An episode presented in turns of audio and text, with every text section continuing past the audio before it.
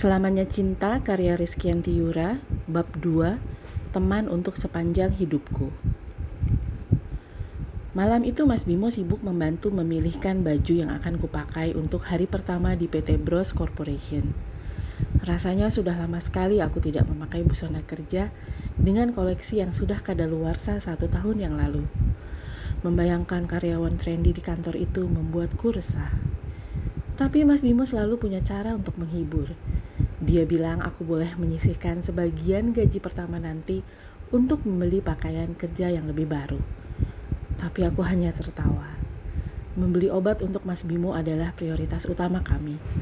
Lalu memenuhi kebutuhan sekolah anak-anak. Setelah itu kebutuhan rumah tangga termasuk melunasi hutang-hutang kami selama ini. Belanja pakaian adalah prioritas terakhir. Paling-paling mereka hanya akan memandangiku dari ujung kepala sampai ujung kaki tapi itu tak akan membuatku kecil hati. Ketika aku mengatakan hal itu kepada Mas Bimo, dia tertawa. Aku tahu sayang, lihat saja. Begitu mereka tahu kepribadianmu, mereka akan menyukaimu. Ujarnya dengan wajah berbinar.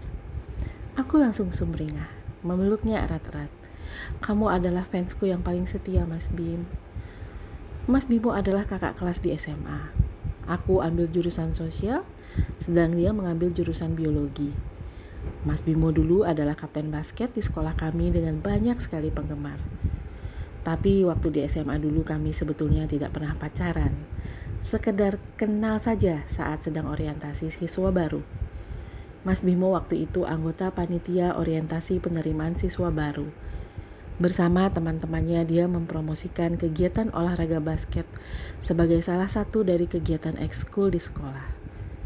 Aku bertemu kembali dengan Mas Bimo lima tahun setelah lulus SMA.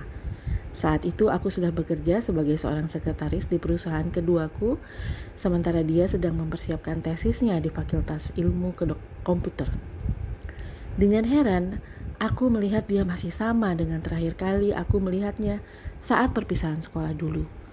Postur tubuh atletis, air muka yang menyenangkan, kulit putih, dan masih suka main basket.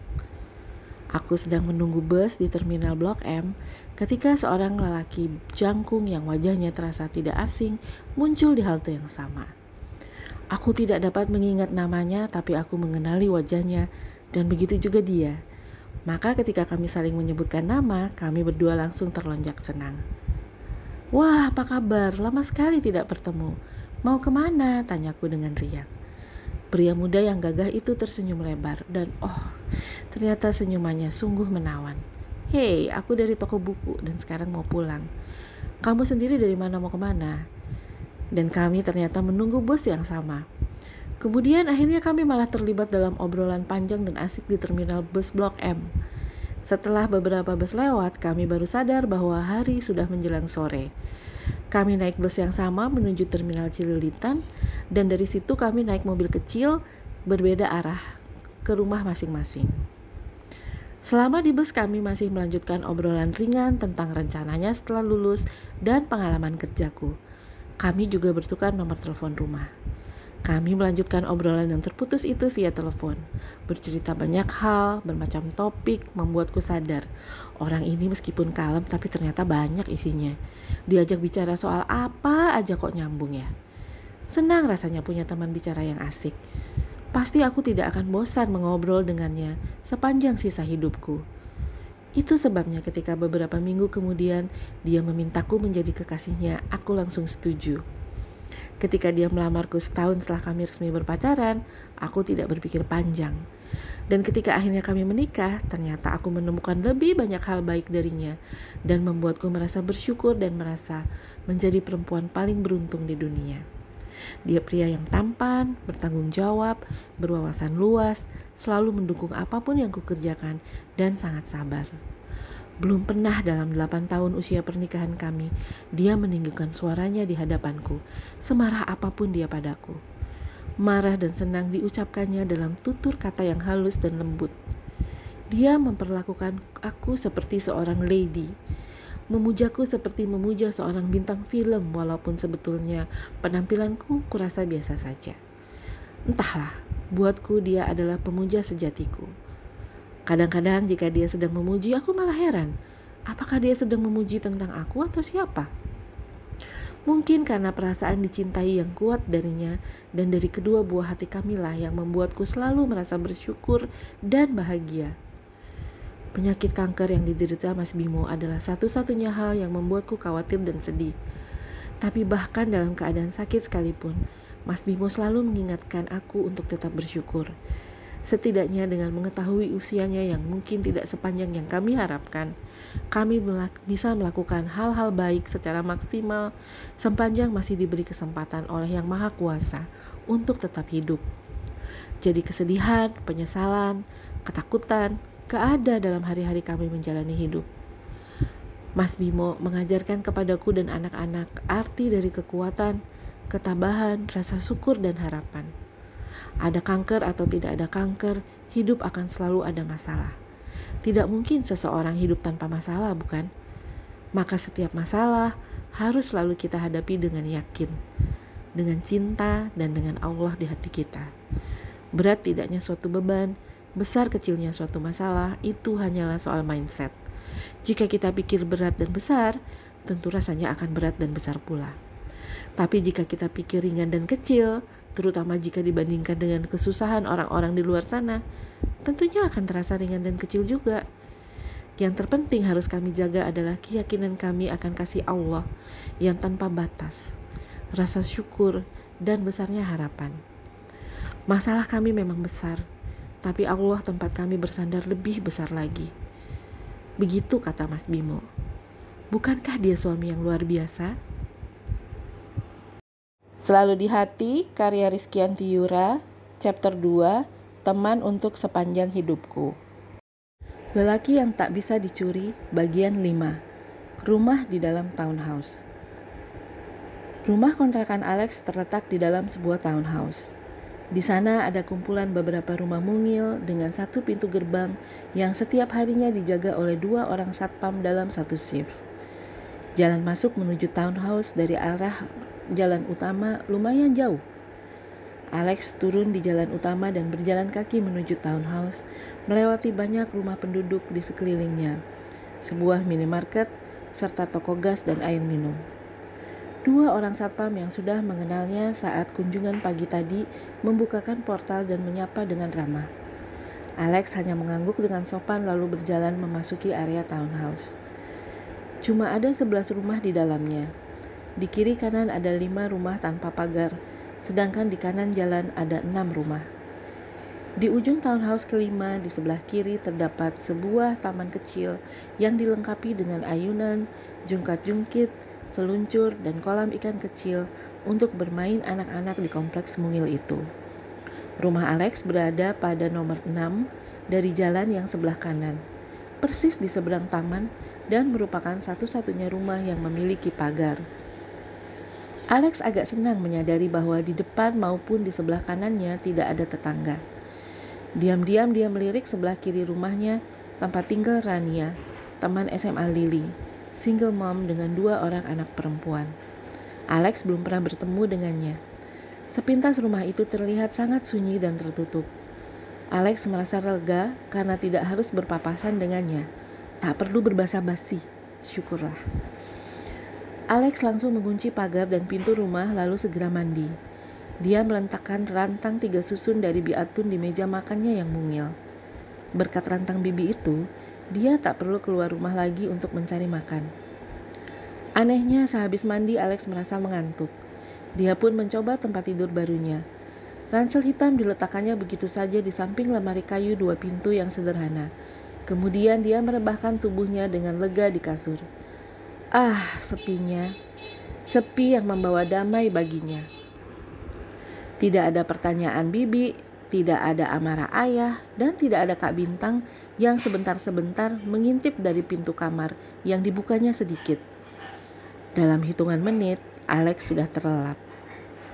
Meskipun suara azan maghrib dari masjid yang terletak di ujung jalan utama juga terdengar, tetapi suara tangis dan jerit anak kecil lah yang membuat Alex terkejut hingga terduduk di tempat tidurnya.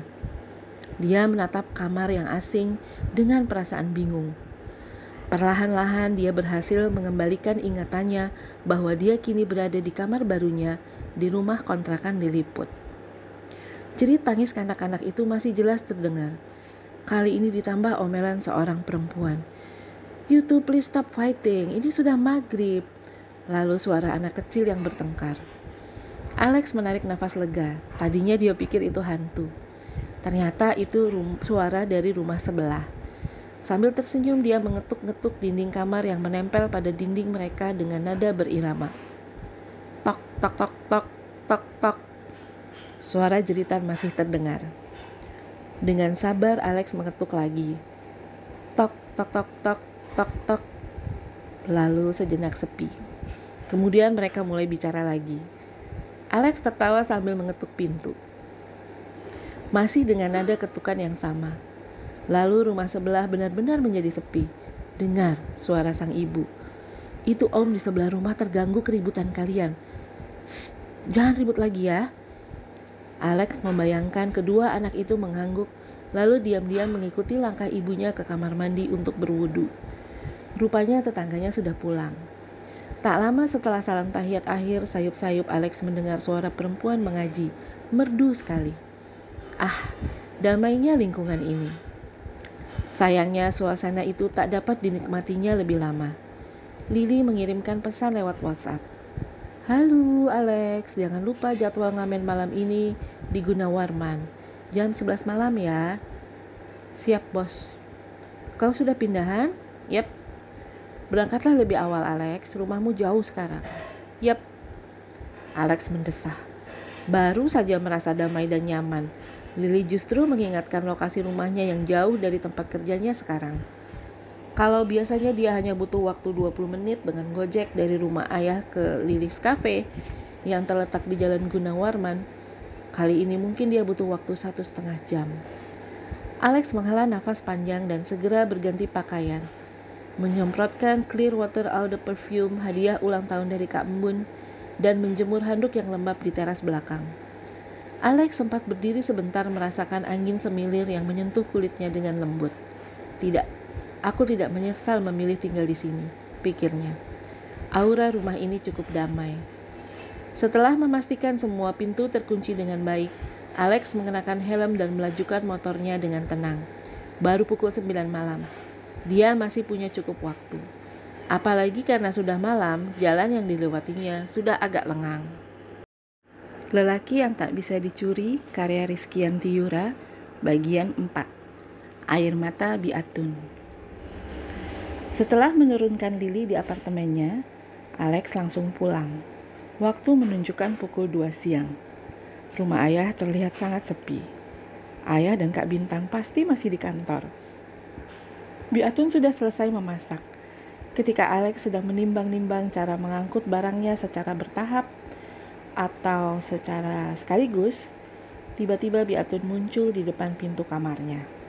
Seperti ayah dan Kak Bintang, Biatun juga selalu ingin tahu apa yang dilakukannya. Adik baru pulang, sudah makan siang belum? Tanyanya. Alex hanya menjawab dengan hmm. Dia langsung tahu itu artinya sudah. Bukannya pergi, Biatun malah mendekat dan ikut memperhatikan isi lemari pakaiannya. Sedang cari apa? Nanti Bibi cariin. Mungkin masih di ruang cuci, belum disetrika. Diam-diam Alek meliriknya. Tiba-tiba ia memutuskan untuk membawa pakaiannya dengan ransel hitam yang cukup besar, bukan koper. Secukupnya saja dulu pikirnya.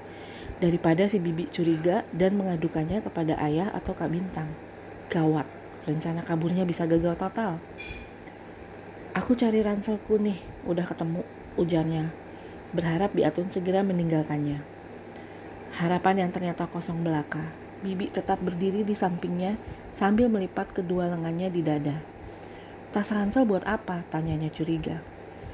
Perempuan tua itu membuat Alex menggigit bibirnya dengan kesal. Biatun memang hanya asisten rumah tangga di rumah mereka. Tetapi dia menganggap dirinya sendiri sebagai kepala rumah tangga. Biatun sudah bekerja di rumah mereka sejak Kak Bintang belum lahir. Dialah yang membantu almarhumah ibu mengurus rumah tangga ketika beliau bekerja. Menurut Kak Embun, Eyang Putrilah yang dulu memintanya bekerja di sini untuk memata-matai ayah. Naraya Sailendra sejak dulu dikenal keras dan kaku. Hubungannya dengan ibu Alex pada awal pernikahan mereka merupakan bencana. Besarnya rasa cintalah yang membuat ibu memutuskan untuk tetap bersama ayah. Eyang meminta Biatun, asistennya yang paling setia, untuk melaporkan kondisi di rumah ayah. Tidak ada pertengkaran atau tangisan ibu yang luput dari laporan Biatun kepada Eyang Putri. Jika perlu, Eyang Putri sendiri yang turun tangan menghadapi ayah dan memaksanya untuk meminta maaf kepada ibu, tak peduli siapa yang salah. Pak Sam juga ikut andil dalam mendamaikan pertengkaran ayah dan ibu di awal pernikahan mereka dulu. Ayah Alex memang seorang antisosial yang idiot.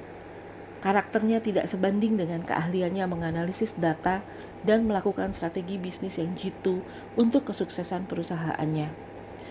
Mungkin kekakuan Alex dalam menjalin komunikasi dengan lingkungan diwarisinya dari ayah. Sebab Meskipun pendiam, ibu mereka memiliki, banyak sekali sahabat dan menikmati setiap acara pesta yang beliau adakan. Well, Alex ternyata memang benar-benar anak ayah, meskipun wajah mereka tidak memiliki kemiripan sama sekali. Hal itu membuatnya sedikit terhibur. Biatun masih menunggu jawaban Alex, mengapa dia mencari ransel hitamnya. Tas ini untuk mengangkut batu-batu yang sudah selesai kulukis, Bi, Mau ku bawa ke kafenya Lily. Alex lega melihatnya menganggukkan kepala dan mengucapkan oh panjang. Lalu dia pun meninggalkan Alex sendirian. Cepat-cepat Alex memasukkan beberapa helai t-shirt, satu celana bahan berwarna hitam, dan dua celana jeans yang sudah pudar dan robek ke dalam ransel. Alex juga mengambil beberapa pasang kaos kaki dan kacamata hitam. Kemudian dia menyambar peralatan mandi dan parfum, tidak lupa dibawanya buku tabungan, paspor, dokumen-dokumen penting, aneka charger, handphone dan iPod, serta laptop pipisnya. Lalu dengan sembarangan diraihnya jaket kulit hitam yang tergantung di balik pintu kamar dan topi bertuliskan bed untuk dikenakan. Alex memandangi kamarnya sekali lagi, menarik nafas panjang, dan segera meninggalkannya tanpa berpikir panjang. Namun langkah Alex tertahan di ruang tengah karena teriakan Biatu. Adik mau ke mana lagi? Terdengar nada jengkel dalam seruannya. Meskipun Alex tidak pernah merasakan kehadiran ibunya, cara Biatun berteriak membuatnya merasa seperti sedang diteriaki ibunya. Mau antar lukisan batu kubi? Jawabnya agak gugup. Ia terkejut karena tahu-tahu Biatun sudah berada di hadapannya dengan sebuah rantang tiga tumpuk. Alex langsung mengerang panjang. Apaan sih, Bi? Aku kan mau ke kafe. Ngapain dibawain makanan? Omelnya kesal. Ia berusaha menyembunyikan tangannya, sementara Biatun sibuk menyodorkan rantangnya yang berat ke tangannya. Bibi capek-capek masak nanti kebuang lagi. Sebaiknya adik bawa saja untuk makan malam. Takutnya Bibi sudah tidur kalau adik pulang nanti. Akhir-akhir ini adik seperti ayah, selalu pulang malam, katanya merajuk. Mulai besok Bibi nggak mau masak lagi. Percuma dimasakin. Dibikinin nasi goreng, adik malah makan sereal. Disiapin makan siang yang lengkap, gak ada satupun orang yang pulang. Makan malam dipadasi bolak-balik, belum juga pada pulang. Awas ya kalau sampai sakit gak usah cari bibi, ancamnya dengan wajah jengkel. Alex menghembuskan nafasnya pelan-pelan, berusaha menyabarkan diri sendiri. Kalau bibi sudah merajuk begini, dia tidak berani menentangnya. Alex tidak suka melihatnya menangis. Biatun tidak pernah pulang kampung lebih dari lima hari. Dia akan tergesa pulang karena mengkhawatirkan Alex dan ayah.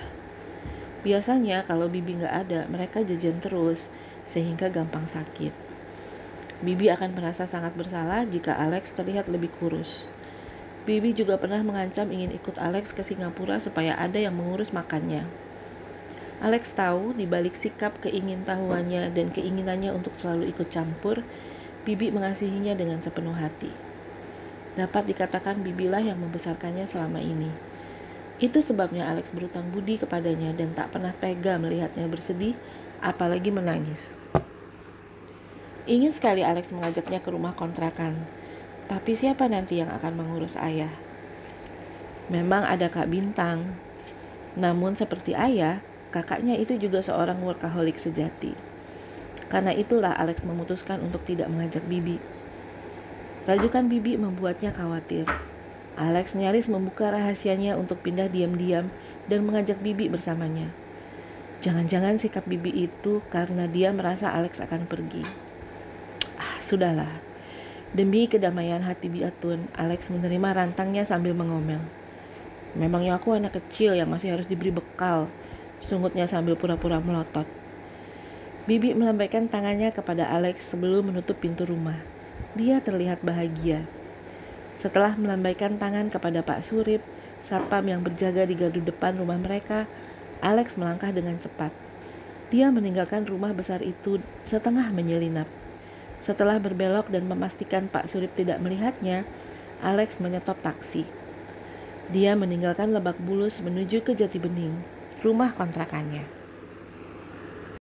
Lelaki yang tak bisa dicuri karya Rizky Yura. Bagian 2 Kisah Anika Setelah tiga bulan di Jakarta, Alex bertemu lagi dengan Anika. Saat itu dia sedang mentraktir kakaknya, Embun, yang sedang berlibur di Indonesia di salah satu warung kopi milik Lily. Anika adalah adik Laras, teman sekelas Alex saat dia masih duduk di kelas 2 SMP. Saat itu Alex sering datang ke rumah Laras untuk belajar kelompok bersama tiga teman lainnya. Anika yang saat itu baru berumur lima tahun sering sekali bermain di sekitar mereka saat mereka sedang belajar bersama. Laras memang pernah bilang Anika ngefans sekali dengan Alex. Ketiga teman mereka pun sering kali menggodanya. Tentu saja tak terbersit pikiran apa pun di benak Alex terhadap balita berwajah menggemaskan itu. Saat itu usia Alex sudah 15 tahun. Kalaupun mau, tentu Alex lebih suka dengan Laras. Menurutnya Laras berwajah sangat cantik dan berpenampilan modern. Rambutnya yang hitam berkilau terlihat sangat terawat. Wajah dan kuku-kuku di jarinya pun tampak bersih dan berkilauan. Pakaian, jam tangan, sepatu, dan tas sekolahnya juga selalu trendy. Berbeda dengan penampilan Alex yang sangat biasa dan terlalu sederhana.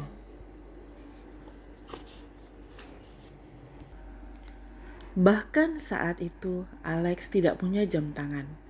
Bukan karena dia tidak punya uang. Alex adalah anak sekaligus keponakan dari pemilik perusahaan keluarga yang sangat makmur. Namun selama masa kecil dan masa remajanya, ayahnya terlalu sibuk dengan dirinya sendiri. Segala urusan yang menyangkut diri Alex diserahkan sepenuhnya ke tangan Biatun, asisten rumah tangga mereka yang setia. Dan Biatun tentu tidak mengikuti tren seperti Laras dan ketiga temannya yang lain. Alex memang lebih pantas menjadi anak Biatun daripada anak ayah. Well, ketika Alex baru selesai membayar pesanan kopinya dan kopi Kak Embun, seorang gadis kecil bertubuh mungil tiba-tiba saja menabraknya. Gadis itu meminta maaf karena sudah menjatuhkan satu cup cappuccino dan memaksa ibunya untuk mengganti kopi Alex. Alex menunggu gadis itu memesan cappuccino penggantinya. Ketika gadis itu menyerahkan cappuccinonya, Alex tersenyum, memandangnya sekilas, dan mengucapkan terima kasih kepada ibu dan anak itu. Namun tiba-tiba gadis belia itu menyentuh lengannya dan membuatnya sangat terkejut. Kak Alex? Ini Kak Alex kan? Sapanya penuh harap. Meskipun Alex sama sekali tidak mengingatnya, refleks ia menganggukkan kepala. Alex Sailendra? Tanyanya lagi memastikan. Ibunya memperhatikan mereka sambil menunggu pesanannya siap. Alex mengangguk lagi dan tersenyum. Ya, saya Alex Sailendra. Maaf, adik siapa ya? Tanyanya dengan suara pelan. Sepertinya Alex malu dengan cara gadis kecil itu menyapanya. Suaranya membuat semua pengunjung warung kopi di sekitar mereka menoleh. Aku Anika, kak. Masa kakak lupa? Ibu, serunya kepada ibunya. Ibu masih ingat Kak Alex kan? Teman belajar kelompok Mbak Laras dulu. Begitu mendengar nama Laras, Alex langsung ingat dia segera menyalami ibunya dengan sopan. Pantas wajah ibu ini tak begitu asing batinnya. Namun gadis kecil yang masih menggunakan seragam SD ini, yang sedang melonjak-lonjak sambil bertepuk tangan ini, Alex betul-betul tidak mengenalinya. Alex ingat Laras mempunyai seorang adik kecil bernama Anika. Namun dia sama sekali tidak mengenali wajah Anika yang sekarang.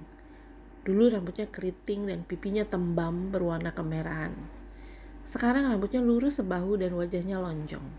Sama sekali tidak terlihat menggemaskan. Tubuhnya masih mungil seperti dulu. Hanya kelincahannya yang masih Alex ingat. Gadis kecil ini terlihat lincah dan periang sekali. Masih sama seperti dulu.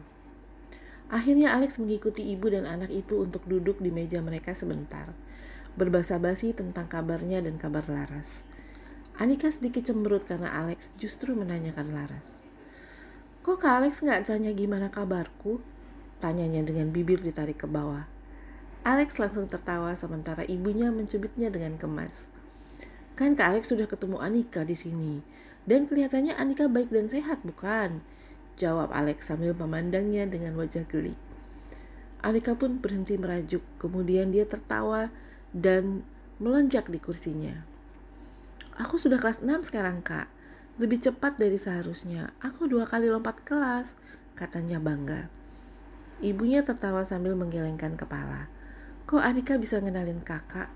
Kan sudah lama kita gak ketemu. Tanya Alex setelah mengucapkan selamat atas kepintarannya hingga bisa lompat kelas. Dengan wajah bangga dan berkesan mengemaskan, Gadis kecil berseragam putih merah itu berkata, Aku nggak mungkin nggak kenalin Kak Alex. Badan kakak mungkin tambah tinggi, kulit tambah hitam. Alex spontan melirik kulitnya yang sawo matang lalu tersenyum. Tapi senyum kakak masih sama. Mata kakak juga, katanya sambil menatap Alex tajam, seolah ingin menelan lelaki muda itu bulat-bulat. Hal itu membuat Alex agak gugup. Seriously, Alex tidak pernah menatap lawan jenisnya lebih dari lima detik seorang gadis kecil sekalipun. Namun cara gadis belia itu menatapnya membuat Alex lupa untuk berpaling. Tiba-tiba secara mengejutkan, dia mencontongkan tubuhnya ke arah Alex dan menempelkan mulutnya ke telinga Alex agar ibunya tidak bisa mendengarnya. Mata kakak masih sama seperti dulu, berkilau-kilau kalau kakak sedang tersenyum, seperti ada lampunya, bisiknya. Nafas Alex terasa berhenti dan dia nyaris lupa menutup mulutnya. Teguran sang ibu yang meminta Anika bersikap lebih sopan menyadarkan Alex. Lalu entah kenapa Alex tertawa terbahak-bahak. Dia tertawa keras dengan wajah menunggak hingga air matanya keluar. Perutnya terasa tergelitik dan agak mulas. Ibu Anika meminta maaf atas kelancangan putrinya, sementara Anika memandangi lelaki impiannya itu sambil bertopang dagu. Dia sama sekali tidak merasa bersalah. Sama seperti ketika dulu dia suka memandangi Alex saat usianya baru lima tahun, dengan pandangan memuja. Sejak pertemuan itu, Anika meminta Alex agar tetap kontak. Mereka bertukar alamat email dan nomor telepon sebelum berpisah. Dan meskipun jarang, sesekali Alex bersedia mem membalas emailnya. Sayangnya, Alex hanya menetap di Jakarta selama enam bulan karena beasiswanya disetujui. Kemudian dia memutuskan kembali ke Singapura untuk melanjutkan kuliah S2 di bidang Master and Business Administration selama dua tahun di universitas yang sama. Lily sudah mengatur jadwal Alex untuk menjadi penghibur tetap di kafe milik tantenya di Singapura. Alex pun tetap mengiriminya stok lukisan batu untuk mengisi Alex Stone's Art Corner di kafenya. Sesekali Lily menyempatkan diri berkunjung ke Singapura untuk hangout bersama sahabat baiknya itu. Selalu di hati, karya Rizky Antiyura. Sinopsis Miss Ratri Adrina menganggap hidupnya sebagai seorang pegawai dan ibu dari dua anak setelah kepergi kepergian suami tercintanya sudah cukup. Namun kehadiran dua bersaudara yang sama menawannya tetapi memiliki kepribadian berbeda membuat dunia kecilnya yang sempurna menjadi agak berantakan. Insinyur Satrio Abimanyu, sang arsitek, dikenal sebagai pengusaha muda yang sukses namun sangat serius. Berpembawaan tenang dan sangat religius. Semua orang di kantornya diam-diam menjulukinya The Fridge alias si lemari es karena sikapnya yang dikenal dingin dan berjarak terhadap wanita mana pun yang mencoba mendekatinya. Dr. Satrio Wicaksono sang adik sebaliknya adalah seorang dokter spesialis bedah jantung yang berpembawaan charming, periang, playful dan cenderung playboy. Dua-duanya sama tinggi besar, sama-sama berambut coklat, tetapi yang satu bermata coklat gelap, yang satunya lagi berwarna biru.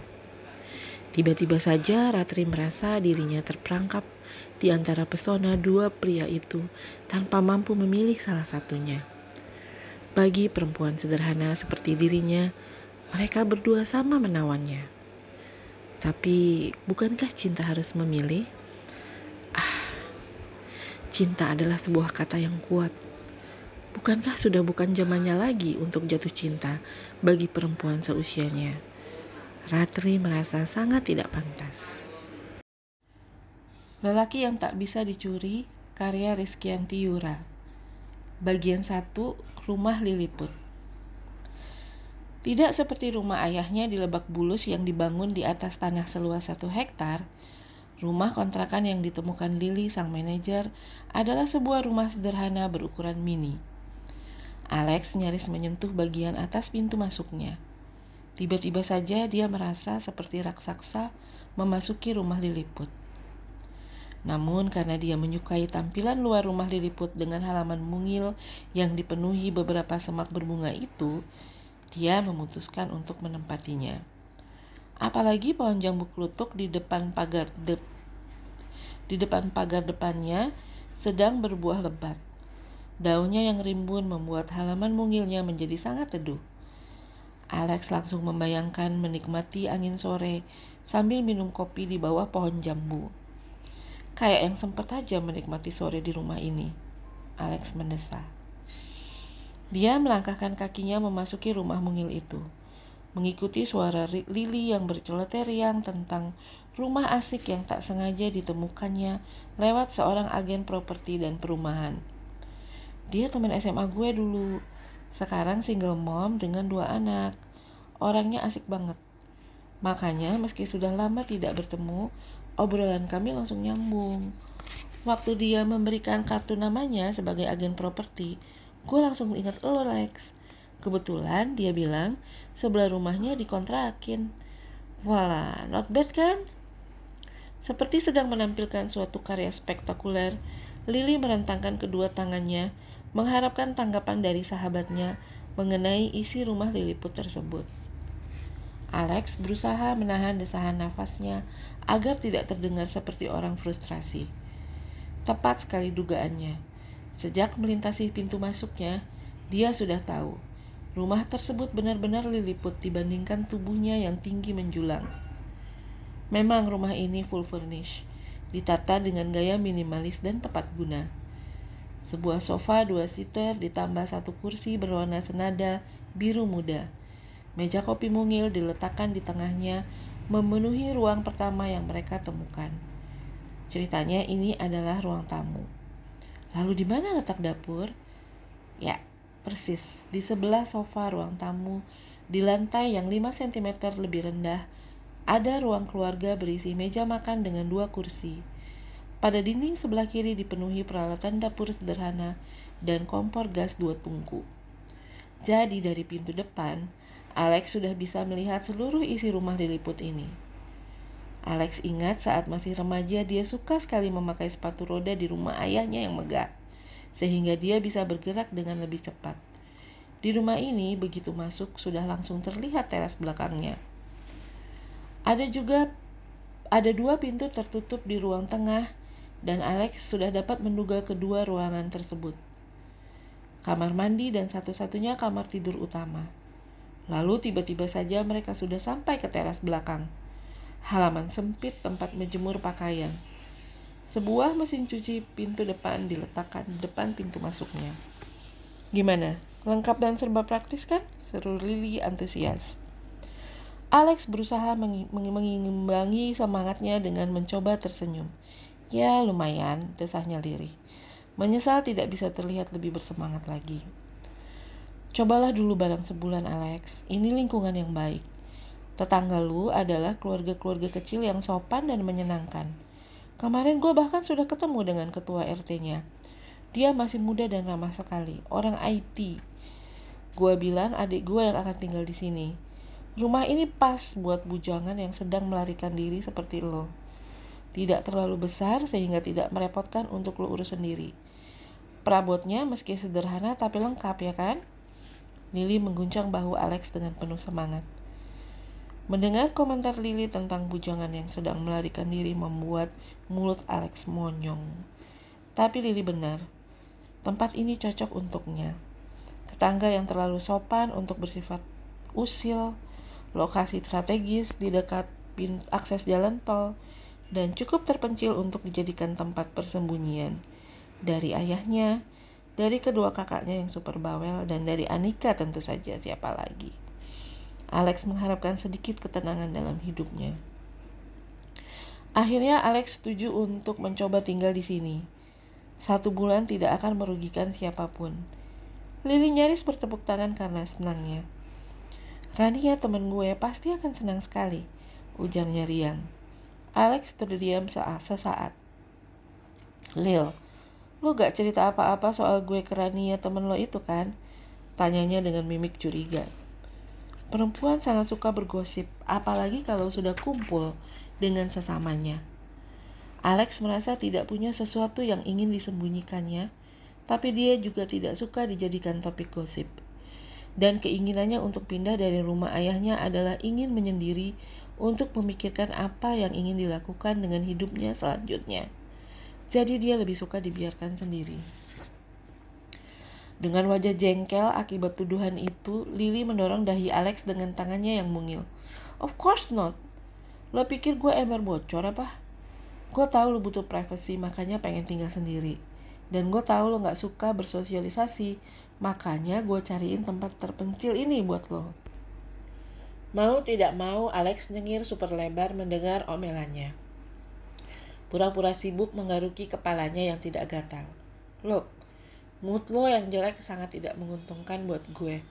Lo jadi sangat tidak produktif dan menyebalkan. Bantuin lo nyariin rumah ini adalah upaya gue buat bikin lo feel better. I'm on your side, Alex. Lo sadar kan bahwa jika lo jadi ninggalin rumah lo, maka dalam dua minggu ke depan, bokap lo yang powerful, kakak-kakak lo yang super sibuk, dan gadis super cantik yang memuja lo dari baru lahir itu, bakal neror gue habis-habisan untuk cari tahu lu ada di mana. Alex langsung terkekeh sambil menganggukkan kepalanya. Tentu saja dia tahu. Apa lu nyesel udah bantuin gue? Tanyanya sambil menarik rambut panjang Lily dengan main-main. Ya gak lah, lo kan sahabat gue. Lo lebih penting daripada keluarga lo atau cewek lo itu. Eits, Anika bukan cewek gue. Gue gak pernah nembak dia atau minta dia jadi cewek gue. Bantah Alex sambil menelik. Lalu dia duduk di kursi meja makan yang cuma ada dua. Diri duduk di kursi satunya. Lu gak pernah cerita detail soal Anika. Nah, sekarang mumpung kita hanya berdua di sini, sok cerita ke gue. Siapa sih Anika nih? Lo ketemu dia di mana? Gimana bisa lo bilang lo gak pacaran sama dia, tapi bokap lo ngotot pengen ngejodohin dia sama lo? Emang bokap dia partner bisnis bokap lo atau gimana? Masih musim ya perjodohan bisnis kayak gini? Lily tiba-tiba saja mencecarnya dengan pertanyaan soal Anika. Hal yang tak pernah ingin dibicarakan sebetulnya. Alex berusaha menghindari tatapan matanya yang menyelidik penuh rasa ingin tahu. Gak penting ah. Mending sekarang kasih tahu gue. Apa yang harus gue lakukan selanjutnya soal rumah ini. Ujarnya berusaha mengalihkan topik pembicaraan pada hal yang lebih aman. Lily mendesah dengan tak sabar. Udah gue bayar sewanya untuk satu bulan ke depan. Kalau lo betah, bisa kita perpanjang dua tahun sekaligus. Kalau memang oke, sekarang aja kita lapor Pak RT yuk. Lu bawa IKTP kan? Lily berdiri dan meraih tas tangan fosil berwarna biru yang tadi diletakkannya begitu saja di atas meja makan dari kayu jati Belanda di hadapan mereka. Alex mengikuti langkahnya dari belakang sambil berusaha menyembunyikan senyum kemenangannya dan membantunya mengunci pintu rumah Lilliput. Liliana Utomo adalah senior Alex saat kuliah di Business Management National University of Singapore. Karena sama-sama berasal dari Indonesia, mereka sering bertemu saat ada pertemuan perkumpulan pelajar Indonesia yang diadakan tiga bulan sekali. Lily sudah lama tahu kesukaan Alex melukis di atas batu dan bermain musik. Tidak nyambung memang dengan jurusan yang diambil Alex di universitas. Tapi belakangan Lily juga tahu ayah Alex lah yang meminta untuk mengambil jurusan tersebut. Sejak kakak kandung ayahnya meninggal dunia tanpa keturunan, nasib perusahaan keluarga mereka bergantung sepenuhnya pada ayah Alex. Memang sejak dua tahun terakhir sebelum Pak Sam, Pak D-nya meninggal, kakak sulung Alex, Kak Bintang, sudah bekerja di sana. Kak Bintang membantu Pak Sam di bagian Human Resources Development, sesuai jurusan yang diambilnya saat kuliah yaitu psikologi. Namun menurut ayahnya, sebuah perusahaan harus dipimpin oleh seorang laki-laki. Karena Alex adalah satu-satunya anak lelakinya, jabatan CEO sudah pasti akan menjadi miliknya begitu dia siap. Sejak lahir hidup Alex memang sudah diprogram sedemikian rupa oleh ayahnya dan Pak Sam Pak D-nya. Terutama sejak sang ibu meninggal saat usianya bahkan belum memasuki usia satu tahun. Alex bukan hanya menjadi tumpuan kasih sayang dan perhatian dari ayah dan kedua kakak perempuannya, yaitu Kak Bintang dan Kak Embun. Kasih sayang Pak Sam dan istrinya Bu Sekar yang tidak memiliki anak pun tertuju padanya. Alex dimasukkan ke sekolah berkurikulum internasional dengan nuansa islami bukan tanpa alasan. Sebagai calon pemimpin masa depan, dia diwajibkan menuntut ilmu setinggi-tingginya serta berakhlak baik. Seperti kedua kakaknya, Alex juga diwajibkan menguasai alat musik, yaitu piano dan gitar, serta ilmu bela diri. Alex berhenti berlatih karate ketika melanjutkan sekolah di Singapura. Di sana dia mengenal ilmu beda diri yang berasal dari Brazil yaitu capoeira. Beberapa tahun yang lalu, penggemar bela diri tersebut masih jarang di Jakarta. Namun Alex dan beberapa temannya membentuk sebuah klub dan berlatih setiap hari Sabtu sampai sekarang. Lulus SMP, Alex remaja dikirim ke sebuah pesantren modern setingkat SLTA di daerah Kediri untuk belajar Al-Quran, sekaligus juga belajar hidup mandiri. Selepas SLTA, dia langsung dikirim ke Singapura untuk belajar bisnis. Pola pikir religius dan gaya hidup sederhana yang berpadu dengan pergaulan modern membuat Alex menjadi bingung. Selama belajar di pesantren yang muridnya laki-laki semua, Alex mempelajari ilmu Al-Quran dan ilmu fikih. Ia belajar cara bertingkah laku sehari-hari seperti yang dicontohkan Nabi Muhammad. Namun di Singapura dia bergaul dengan teman-teman yang bergaya hidup dan berpola pikir internasional. Selain penduduk asli Singapura, teman-teman mahasiswa Alex berasal dari India, Prancis, Malaysia, dan sebagainya. Seks merupakan hal yang biasa dalam pergaulan sehari-hari. Alex tidak tahu apa yang ada di dalam benak ayah dan Pak D-nya ketika mereka mengatur kehidupannya tanpa seizinnya. Tahukah mereka betapa bingungnya Alex menghadapi pergaulannya di Singapura? Selama di pesantren dulu dia terbiasa menundukkan pandangannya saat berhadapan dengan lawan jenis yang bukan mahramnya. Sementara di sini, dia tidak mendapatkan pujian untuk sikapnya yang santun itu. Bahkan mereka menyebutnya sombong berlaga atau sok kecakapan. Tidak satupun teman perempuan Alex di Singapura yang dengan sukarela mengajaknya bicara kecuali terpaksa. Lily, kakak kelas Alex yang juga wakil ketua PPI di Singapura, adalah teman perempuan pertamanya di Singapura yang menyadari sikap Alex. Cara Alex berbicara dengan lawan jenisnya itu bukanlah tanda kesombongan, melainkan tanda hormat. Hal yang sama pernah ditemuinya pada tetangganya di Jakarta yang merupakan seorang haji yang taat.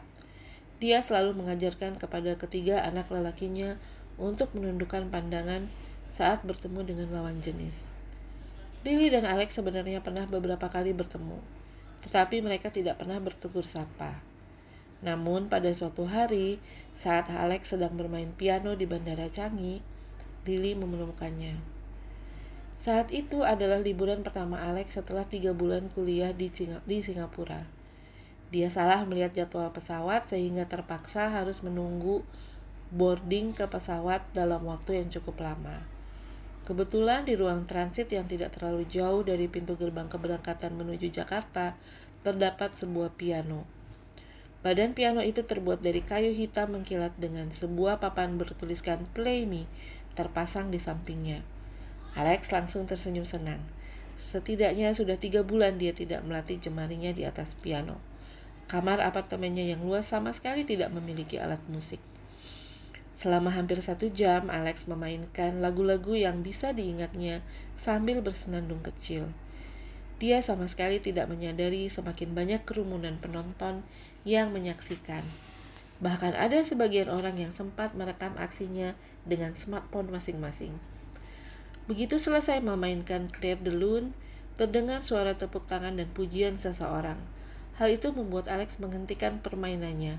Kemudian ia mendongak dengan wajah merah padam menahan malu, menyadari kerumunan kecil penonton yang memandanginya dengan wajah berseri. Lily lah yang bertepuk tangan dan memuji tadi. My God, aku tadi ragu-ragu kayak kenal. Ternyata kamu Lex. Kamu Alex Alex Shalendra kan? Setelah berhasil menghilangkan keterkejutan karena sambutan penonton bandara, Alex pun mengangguk. Lalu mereka memutuskan untuk nongkrong di coffee shop sebelum boarding. Ternyata mereka akan pulang ke Jakarta dengan pesawat yang sama. Dalam kesempatan itu, Lily menawari Alex untuk bermain piano di kafe milik keluarganya di Singapura. Kami tentu akan membayarmu, mau kan?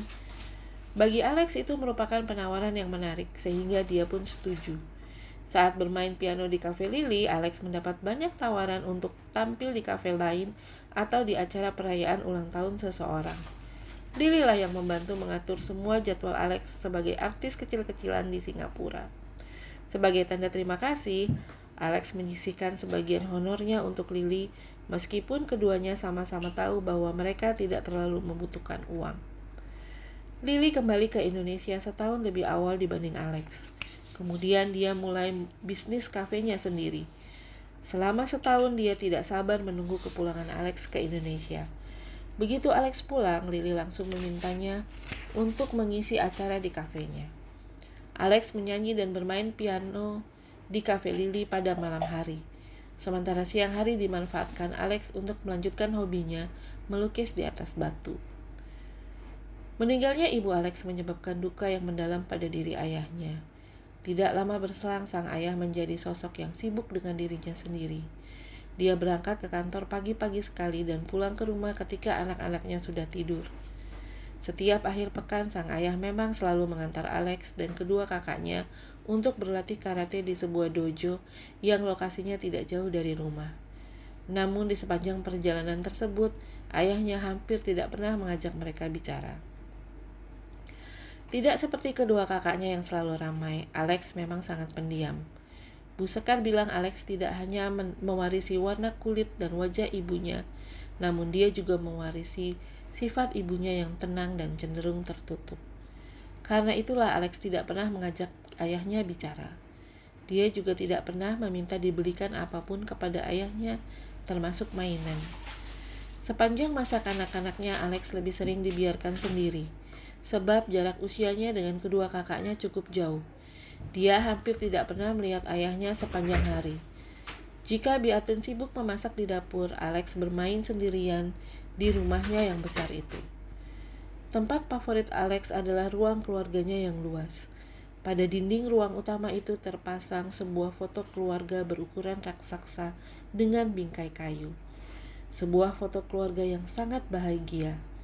Ayah berdiri gagah sambil memegang bahu kanan ibunya yang duduk dengan senyum bahagia. Kedua kakaknya berdiri di sisi kiri dan kanan ibunya dengan senyuman lebar. Sementara Alex yang masih bayi duduk bersandar dalam pelukan sayang ibunya. Alex sangat menyukai foto itu. Satu-satunya foto yang membuktikan bahwa dia merupakan bagian dari sebuah keluarga dan bahwa dia dicintai. Pada usia 2 tahun, Alex hanya memiliki mainan berupa kumpulan batu koral penghias taman. Batu-batu berbentuk bulat lonjong berwarna putih keabuan tersebut diberikan oleh Biatun, asisten rumah tangga mereka yang setia. Di tangan Alex, kecil, batu-batu itu bisa menjadi apa pun yang dibayangkannya. Robot, mobil-mobilan, bola, rumah, burung, dan sebagainya. Saat duduk di sekolah dasar, Alex mulai melukis batu koleksinya menggunakan cat air. Jika sedang bersama kumpulan batunya, Alex menjadi anak yang sangat tenang. Kebiasaan melukis batu terbawa hingga Alex dewasa. Aktivitas tersebut merupakan terapi yang bisa membuatnya merasa rileks dan tenang. Dan Lily dengan otak bisnisnya tidak melewatkan peluang tersebut. Dia menyediakan satu sudut di coffee shopnya untuk memajang batu-batu hasil lukisan Alex dan menamai sudut kecil itu Alex Stone's Art Corner. Batu-batu itu dijual dengan harga kurang masuk akal, tetapi herannya ada juga pembelinya. Jadi begitulah, begitu lulus S1 Alex pulang ke Indonesia untuk berlibur. Untuk menambah uang saku, dia bersedia mengamen di cafe shop milik Lily dan membiarkan gadis itu mengatur jadwalnya seperti saat mereka masih di Singapura. Lily juga mendorong Alex untuk terus melukis di atas batu karena dia menjanjikan Alex Stone's Art Corner di dua coffee shop miliknya. Alex sendiri sedang berusaha mengajukan beasiswa untuk melanjutkan kuliah S2-nya. Tentu saja, sang ayah langsung mencemoohnya karena beliau merasa sanggup menyekolahkan ke mana pun Alex mau dengan biaya berapapun, bahkan hingga jenjang S7 sekalipun. Namun justru keangkuhan ayahnya itulah yang membuat Alex bertekad untuk tidak bergantung sepenuhnya pada beliau. Lelaki yang tak bisa dicuri, karya Rizkyanti Yura, bagian 3. Ayah dan Anika. Alex menurunkan Lily di apartemen Casablanca dan melanjutkan perjalanannya ke Lebak Bulus. Dia harus menyiapkan pakaian dan perlengkapan untuk dibawa pindah ke rumah baru. Kepada Kak Bintang yang rumahnya terletak di belakang rumah ayah, juga kepada ayah, Alex tidak mengatakan apa pun soal rencana kepindahannya. Dia tahu mereka pasti akan menentangnya habis-habisan. Setelah menikah dengan Kak James yang asli Prancis, Kak Embun memutuskan untuk menetap di tanah kelahiran suaminya. Sementara Kak Bintang juga sudah tinggal di rumah sendiri bersama suaminya, Kak Adam. Makanya rumah ayah yang super besar itu menjadi kosong. Sejak jauh-jauh hari ayah sudah mengatakan bahwa rumah itu milik Alex. Alex yang akan menempati rumah itu bersama ayah dan Biatun untuk seterusnya. Bahkan ayah sudah menunjukkan sertifikat tanah dan rumah yang sudah dipindah namakan menjadi atas nama Alex. Kamu pewaris dan pemilik sah rumah Lebak Bulus, Alex. Jadi berkonsentrasilah pada studimu, lalu pekerjaanmu. Soal rumah seisinya sudah beres, tidak perlu dipikirkan lagi. Begitu kata ayah saat menunjukkan sertifikat itu ke hadapan Alex dan kedua kakak perempuannya.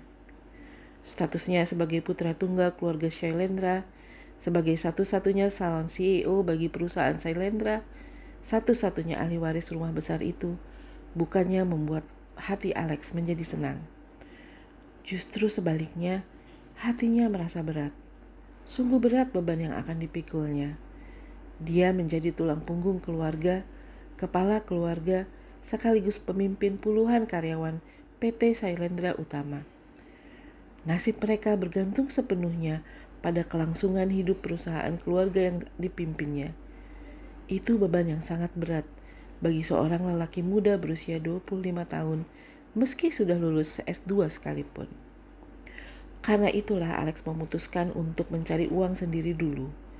Dia menyanyi sambil bermain piano di kafe dan membuat lukisan di atas batu.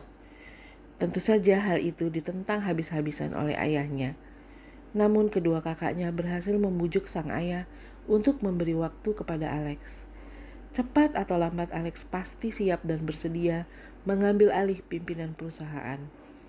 Untuk saat ini sebaiknya mereka memberi Alex kesempatan untuk mengatur hidupnya sendiri dan memberinya kebebasan untuk melakukan apa yang dikehendakinya sambil memikirkan masa depan. Meski terlihat tidak rela, sang ayah akhirnya menyetujui usul kedua kakak Alex. Namun, itu kejadian tiga tahun yang lalu.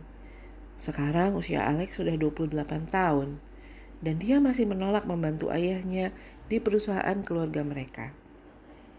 Dia berpikir karena sudah ada Kak Bintang yang membantu ayah, bahkan Alex sedang mempertimbangkan untuk melanjutkan studinya ke jenjang S ke jenjang S3 di Singapura. Sejak tahu tentang rencananya itu, Hampir setiap pertemuan Alex dengan ayahnya selalu berakhir dengan perdebatan. Kalau diladeni, mungkin akan terjadi pertengkaran. Untung Alex seperti ibunya, tidak pandai mendebat ayah yang selalu benar. Jika ayah sudah sangat marah dan berkeras hati, dia duduk berdiam diri mendengarkan ayah dan sama sekali tidak membantahnya. Dibiarkannya ayah mengomel dan mengungkit-ungkit semua hal yang sudah dilakukannya demi Alex dengan menebalkan telinga dan hatinya, sehingga dia tidak menjadi sakit hati dan itu sering kali membuat ayahnya frustrasi. Suatu hari Anika tiba-tiba menelpon. Alex bahkan sudah lupa pernah menyimpan nomor telepon gadis itu saat mereka bertemu di warung kopi. Anika mengajaknya bertemu. Kebetulan ayah meminta Alex untuk makan siang bersamanya di salah satu restoran yang terletak di City Walk Sudirman. Alex pun setuju untuk bertemu Anika sekitar pukul 10 pagi sebelum bertemu ayah. Di situlah ayah pertama kali bertemu Anika. Kak Embun dulu pernah bercerita kepada ayah tentang gadis kecil heboh yang memuja Alex sejak lahir. Karena itulah ketika bertemu dengan Anika, ayah sudah tidak terkejut. Meski sudah duduk di bangku SMA, gaya Anika masih sama seperti saat dia masih duduk di bangku SD, riang dan spontan. Namun ayah sama sekali tidak merasa terganggu. Hari ini kebetulan sekolah Anika diliburkan karena sedang ada rapat koordinasi para guru. Karena itulah dia mengajak Alex untuk bertemu. Ketika sedang mengobrol dengan Anika, tiba-tiba ayah muncul. Dengan enggan, Alex mempersilahkan ayah bergabung bersama mereka di coffee shop itu. Seperti seorang pengamat, ayah duduk diam bersandar di dinding kaca di belakangnya sambil menyesap kopinya dengan dan sibuk dengan smartphone-nya. Sementara Anika asik menceritakan kejadian-kejadian seru di sekolahnya dan pernikahan kakaknya Laras dengan guru pianonya. Karena dulu Alex diam-diam pernah mengagumi Laras, cerita tentang pernikahan Laras cukup menarik hatinya. Alex pun aktif bertanya ini itu kepada Anika. Kesan Alex terhadap Anika yang berusia 5 tahun 12 tahun, lalu sekarang 18 tahun, sama sekali tidak berubah.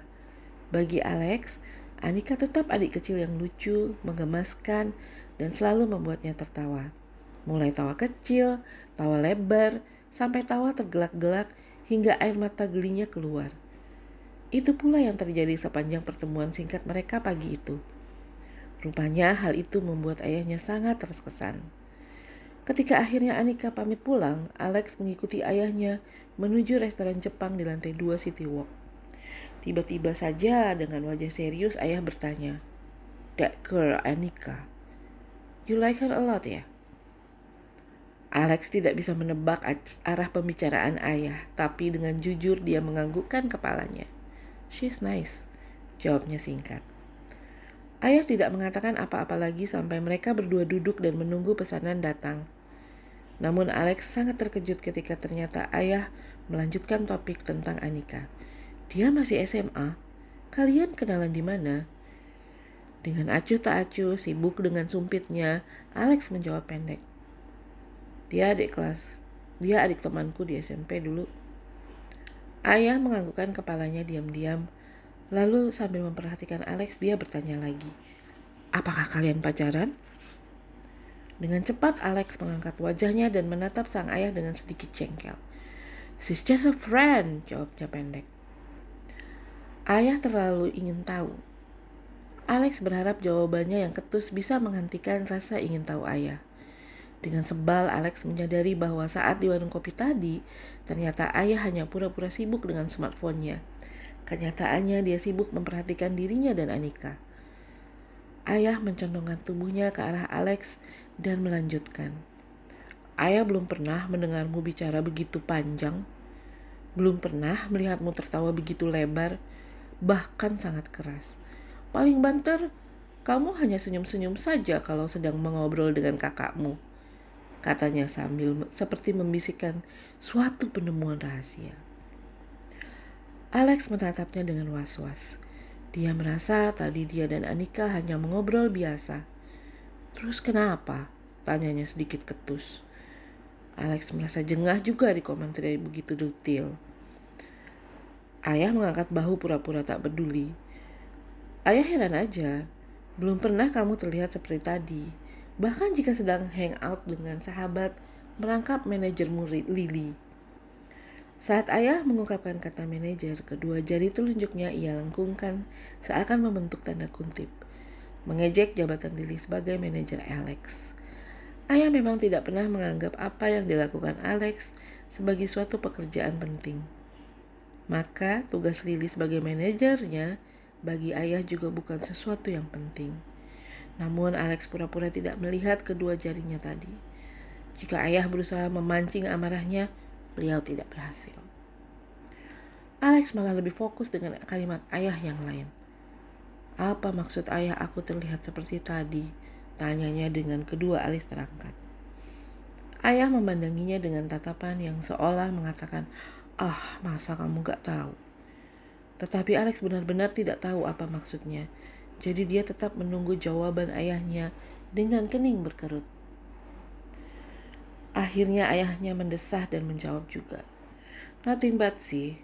Malah ayah melihatnya sebagai sesuatu yang positif. You look more relaxed. Santai sekali saat mengobrol dengan gadis itu. Seolah tidak ada beban. Wajahmu cerah, bicaramu lancar, dan kamu tidak berhenti tertawa. Itu yang membuat ayah takjub. Belum pernah ayah yang belum pernah ada gadis yang bisa membuatmu terlihat sesantai itu, selepas itu. Sekeras itu ketawanya. Iya kan? Lalu tiba-tiba saja ayah tersenyum. Belum sempat menanggapi pesanan makanan mereka datang. Ayah memesan Japanese salmon stick with Japanese salad, sementara Alex memesan ramen dengan chicken curry. Mereka sama-sama memesan ocha panas sebagai minumannya. Melihat pesanan Alex, ayah menggelengkan kepalanya. Kayak apa aja pesan ramen, katanya dengan suara pelan penuh ejekan.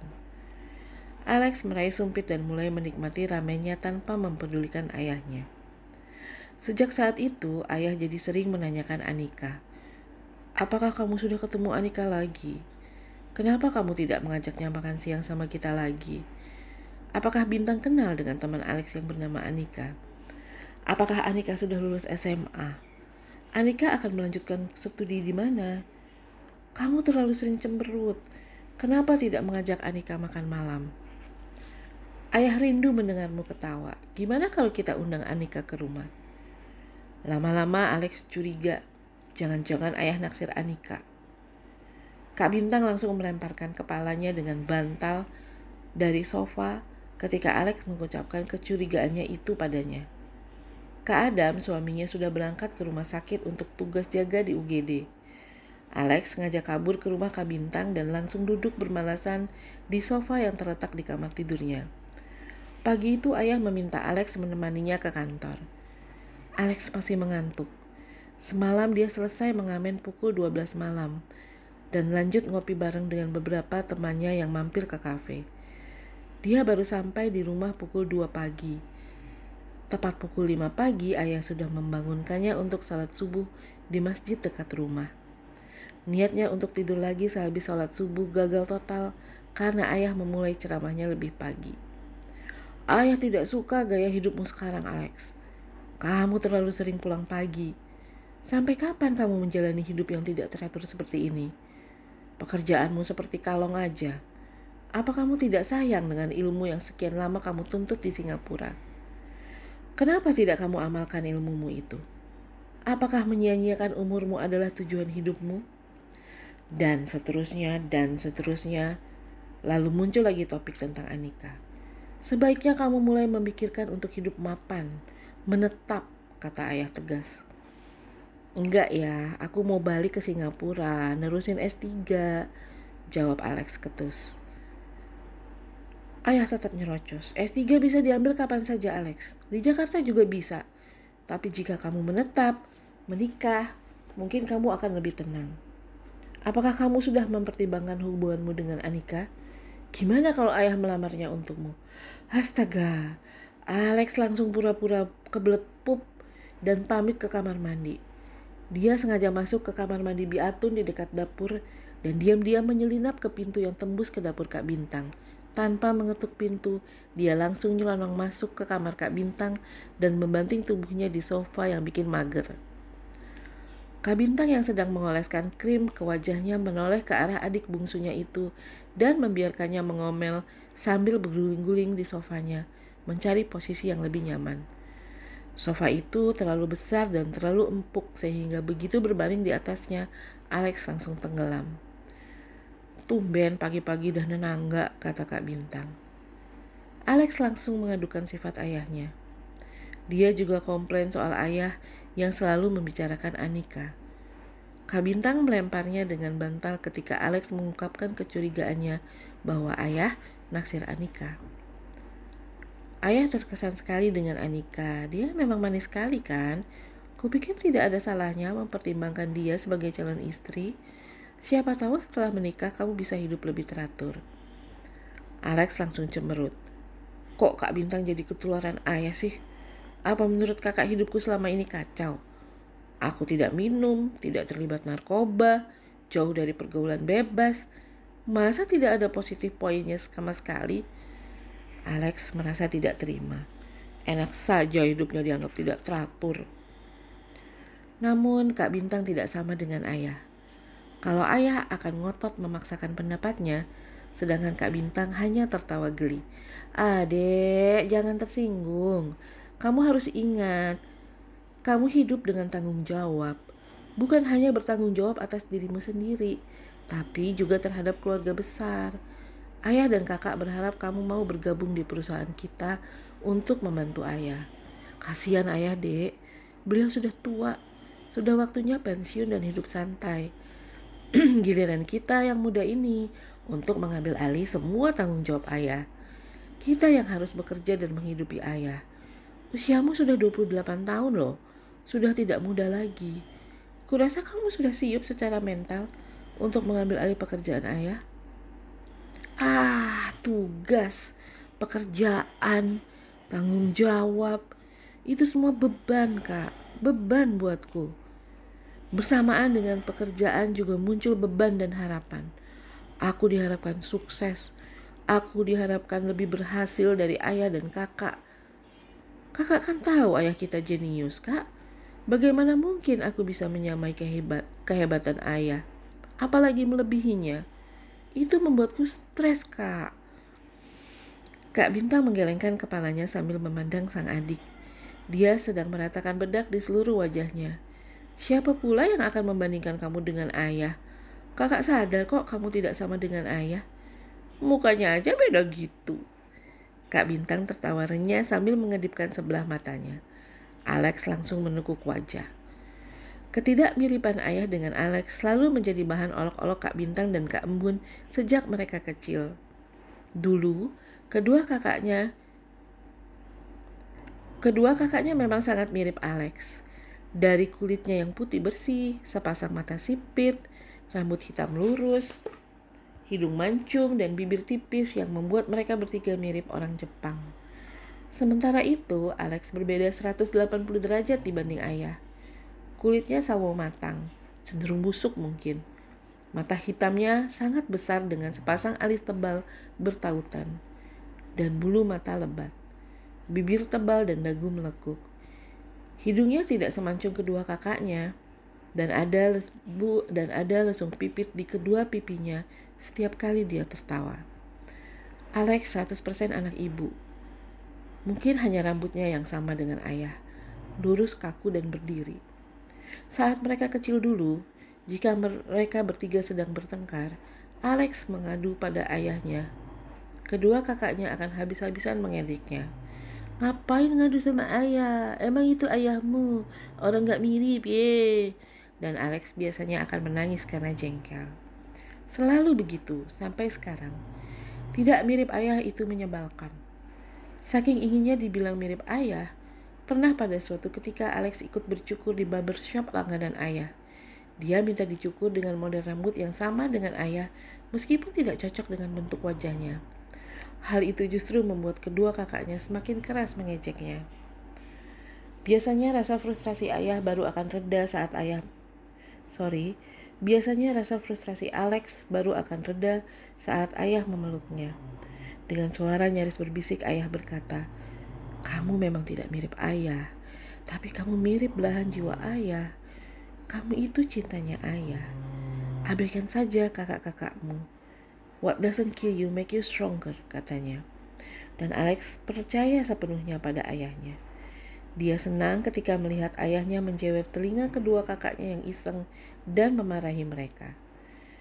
Ayah memang hampir tidak pernah mengajak Alex bicara, bahkan nyaris mengabaikannya sepanjang masa kecil dan remajanya. Namun kepercayaan bahwa ayah mencintainya dengan sepenuh hati membuat Alex merasa nyaman sebagai anaknya. Belakangan Alex baru tahu ternyata dulu ayah sering menghindarinya karena dia selalu mengingatkannya kepada almarhumah ibu, belahan jiwanya, cinta sejatinya. Alex adalah satu-satunya alasan kenapa ayah tidak pernah menikah lagi. Alex tahu kedua kakaknya sangat mencintainya. Alex juga tahu ayah selalu mencintainya. Akan tetapi tuntutan mereka agar dia memenuhi tanggung jawabnya sebagai satu-satunya anak lelaki ayah membuatnya sangat tidak nyaman. Apalagi belakangan kedua kakaknya sangat mendukung ide ayah untuk segera melamar Anika buatnya. Mereka percaya cuma Anika yang bisa membuatnya tertawa. Anika menyambut ide itu dengan penuh sukacita. Dengan antusias dia ingin tahu kapan ayah berkunjung ke rumahnya untuk melamar. Dia lupa bahwa dia baru duduk di semester 1 Fakultas Ekonomi di sebuah perguruan tinggi negeri di Jakarta.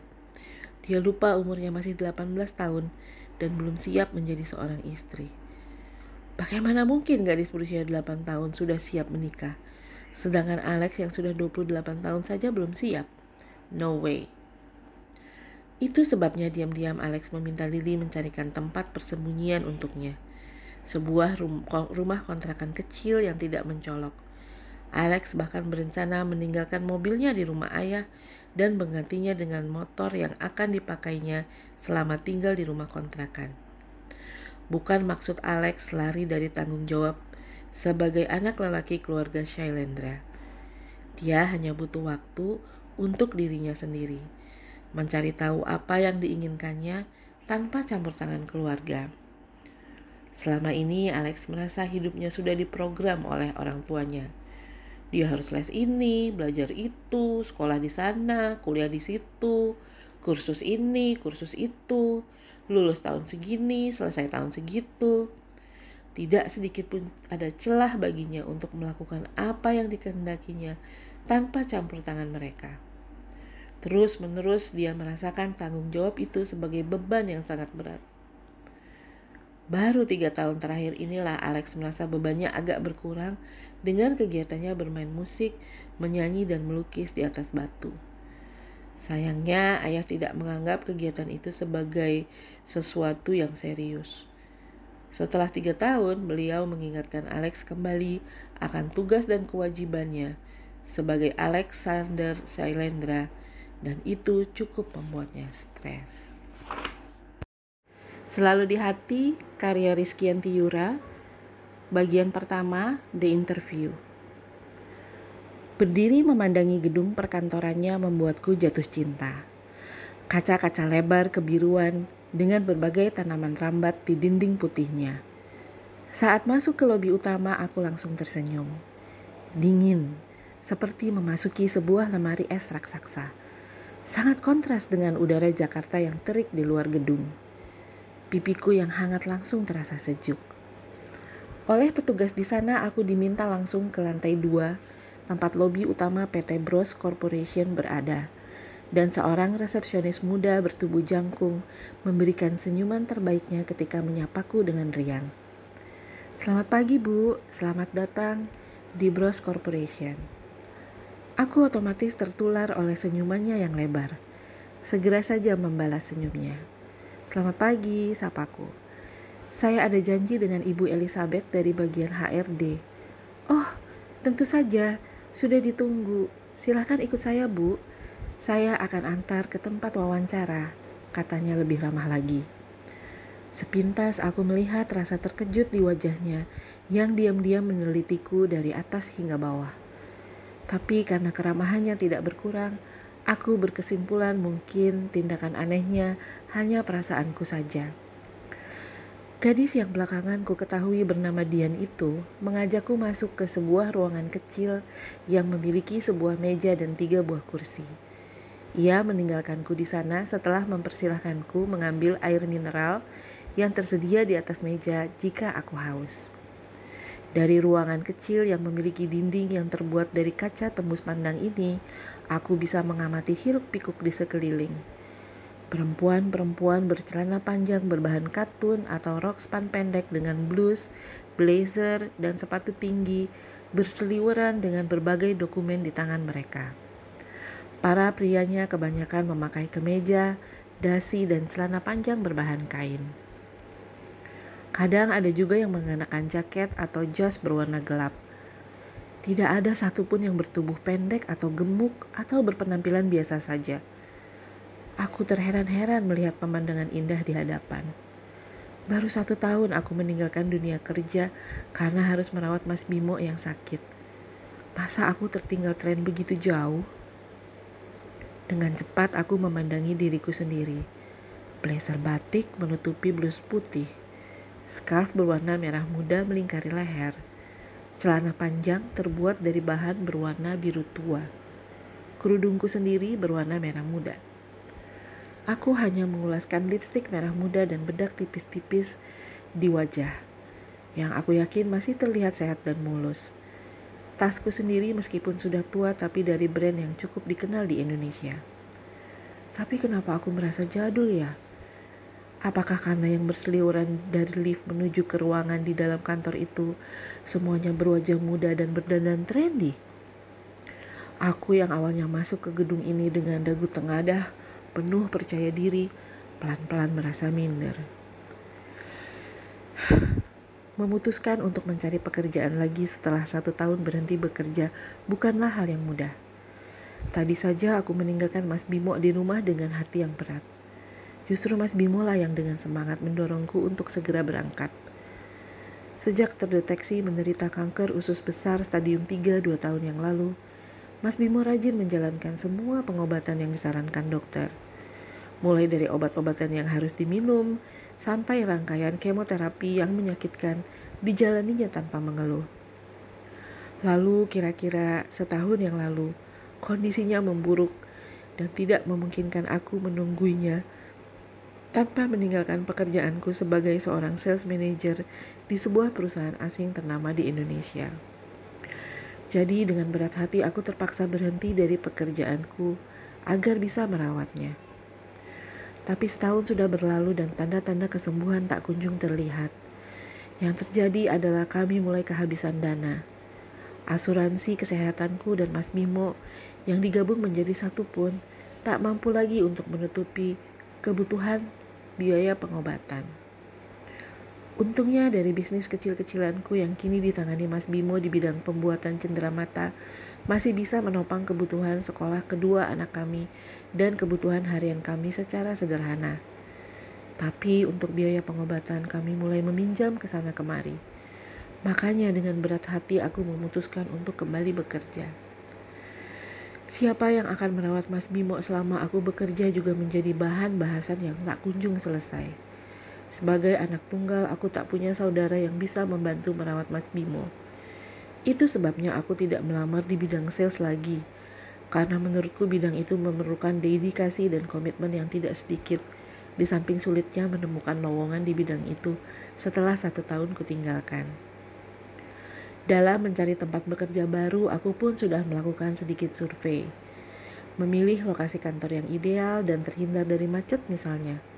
Lalu memilih jenis pekerjaan yang tidak menuntut tenaga dan pikiran sepanjang waktu tapi sangat kukuasai. Jelek-jelek begini, dulu aku lulusan akademi sekretaris terkenal di Jakarta. Menjadi personal asisten atau sekretaris istilah zaman dulunya adalah keahlian pertama yang kupelajari dan kukuasai dengan cepat.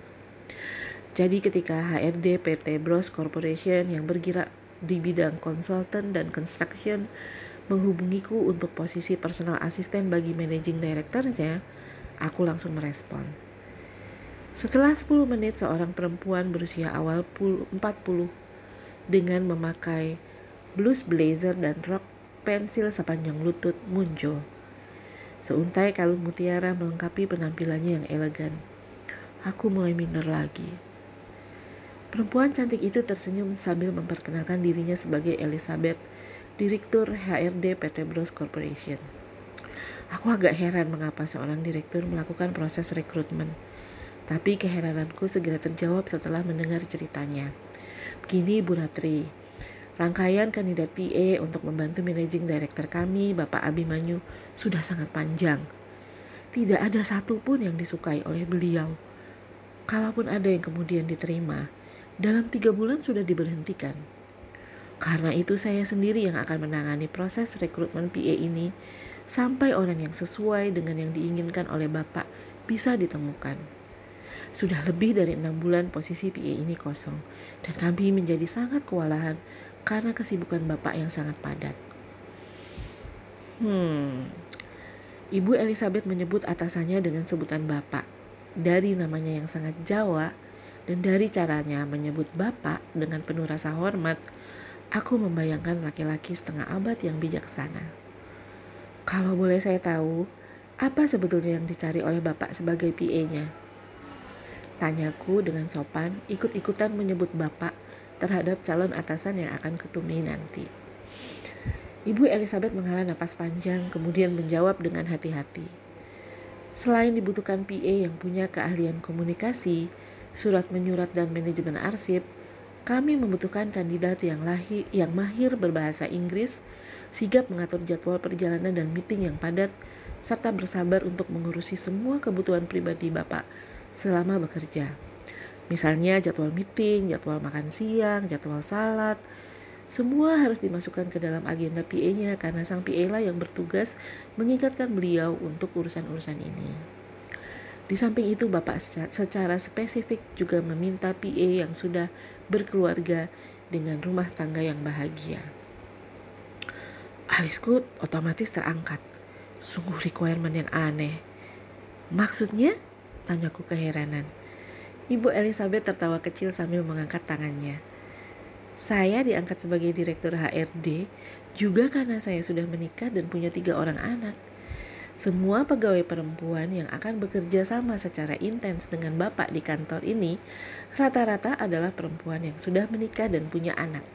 Meskipun hal itu tidak memberi jaminan 100% bagi pegawainya untuk tetap berpikir lurus terhadap beliau. Aku makin tidak mengerti. Bapak adalah seorang duda. Istrinya meninggal ketika melahirkan anak pertamanya, dua orang anak laki-laki kembar. Bapak orang yang sangat serius dan sangat tekun bekerja. Beliau juga sangat religius dan santun. Sikap beliau yang selalu santun dan lembut inilah yang sering disalahartikan oleh pegawainya, terutama tentunya mereka yang masih lajang. Hal ini sering kali membuat suasana kerja menjadi tidak nyaman dan Bapak akhirnya memutuskan untuk mencari PA yang sudah bekerja, sudah berumur seperti Anda. Saya harap Anda punya pernikahan yang bahagia, kata Ibu Elizabeth sambil memandangiku dengan tajam. Tanpa sadar aku mengangguk. Ya, saya sudah menikah selama 8 tahun dengan dua putra-putri yang sangat saya banggakan dan suami yang sangat saya cintai. Jawabku masih takjub. Sepintas aku aku melihat Ibu Elizabeth meneliti CV-ku yang sudah di-print dan selama ini diletakkan di atas meja. Ibu Latri, jabatan terakhir Ibu adalah sales manager. Mengapa sekarang melamar sebagai personal assistant? Tanyanya, tanyanya sopan. Aku mengangguk kemudian mulai menjelaskan. Tidak mudah buat saya mencari pekerjaan sebagai seorang sales manager. Dan lagi selama ini perusahaan yang menawarkan saya pekerjaan tersebut berkantor di pusat-pusat kemacetan dan terlalu jauh dari rumah, seperti di daerah Pluit maupun Tamrin. Saya menghabiskan 3 sampai 4 jam waktu saya di jalan kalau saya berkantor di sana. Makanya saya tolak. Menjadi PA sendiri seperti yang Ibu lihat di CV saya juga bukan sesuatu yang baru. Saya sangat andal sebagai seorang PA Apalagi memang sekolah saya juga di bidang itu. Terus terang saat ini saya sangat membutuhkan uang. Jadi pekerjaan yang mana pun, sales manager maupun PA akan saya coba jajaki dengan harapan bisa cocok dan saya bisa segera bekerja. Aku menjelaskan dengan panjang lebar tentang kondisi ekonomi keluarga kami yang berantakan sejak Mas Bimo terdeteksi menderita kanker dan berhenti bekerja. Ibu Elizabeth mengangguk. Oke, saya rasa ibu adalah calon yang tepat untuk menjadi PA. Berpengalaman, punya keahlian sebagai PA dan sesuai permintaan bapak pula. Sambil berkata begitu, dia memandangiku sekilas kemudian mengangguk dengan puas. Baiklah, saya cek dulu apakah Bapak sudah siap bertemu Ibu Ratri. Sebentar ya. Lalu Ibu, Ibu Elizabeth keluar dari ruang kecil itu untuk menelepon.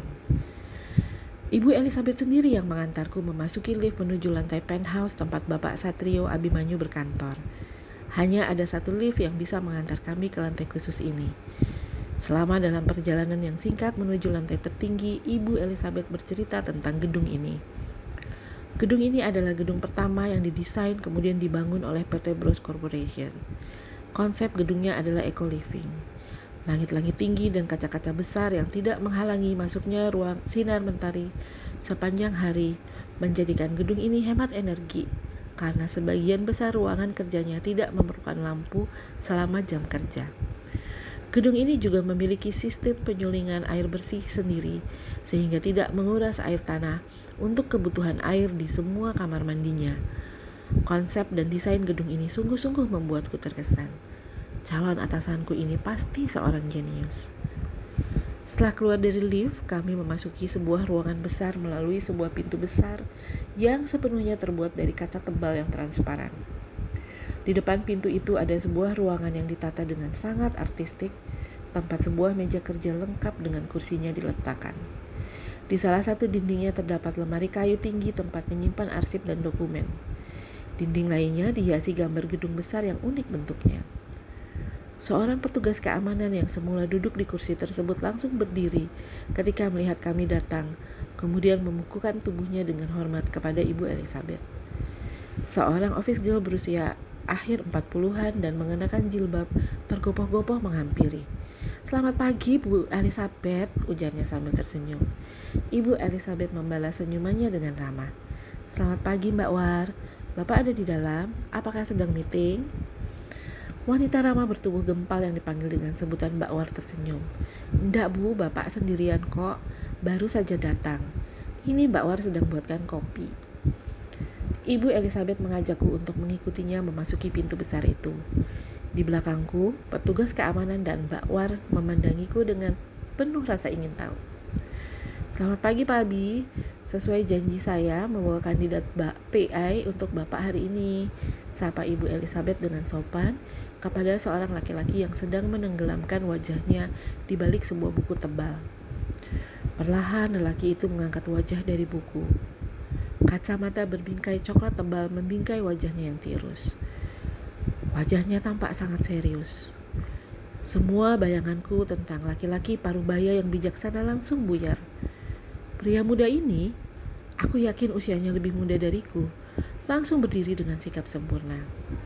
Jika kau harus memandang matanya, maka kau harus mendongak karena tingginya di atas rata-rata lelaki Indonesia. Mas Bimo tingginya 175 cm, tapi lelaki ini kurasa tingginya 180 atau 185. Dia menangkupkan tangannya di dada dengan santun ke arahku, yang segera kusambut dengan gestur yang sama sambil menyebutkan nama. Ibu Elizabeth menyerahkan CV-ku kepada Pak Abi dan berpamitan untuk kembali ke ruang kerjanya di lantai dua.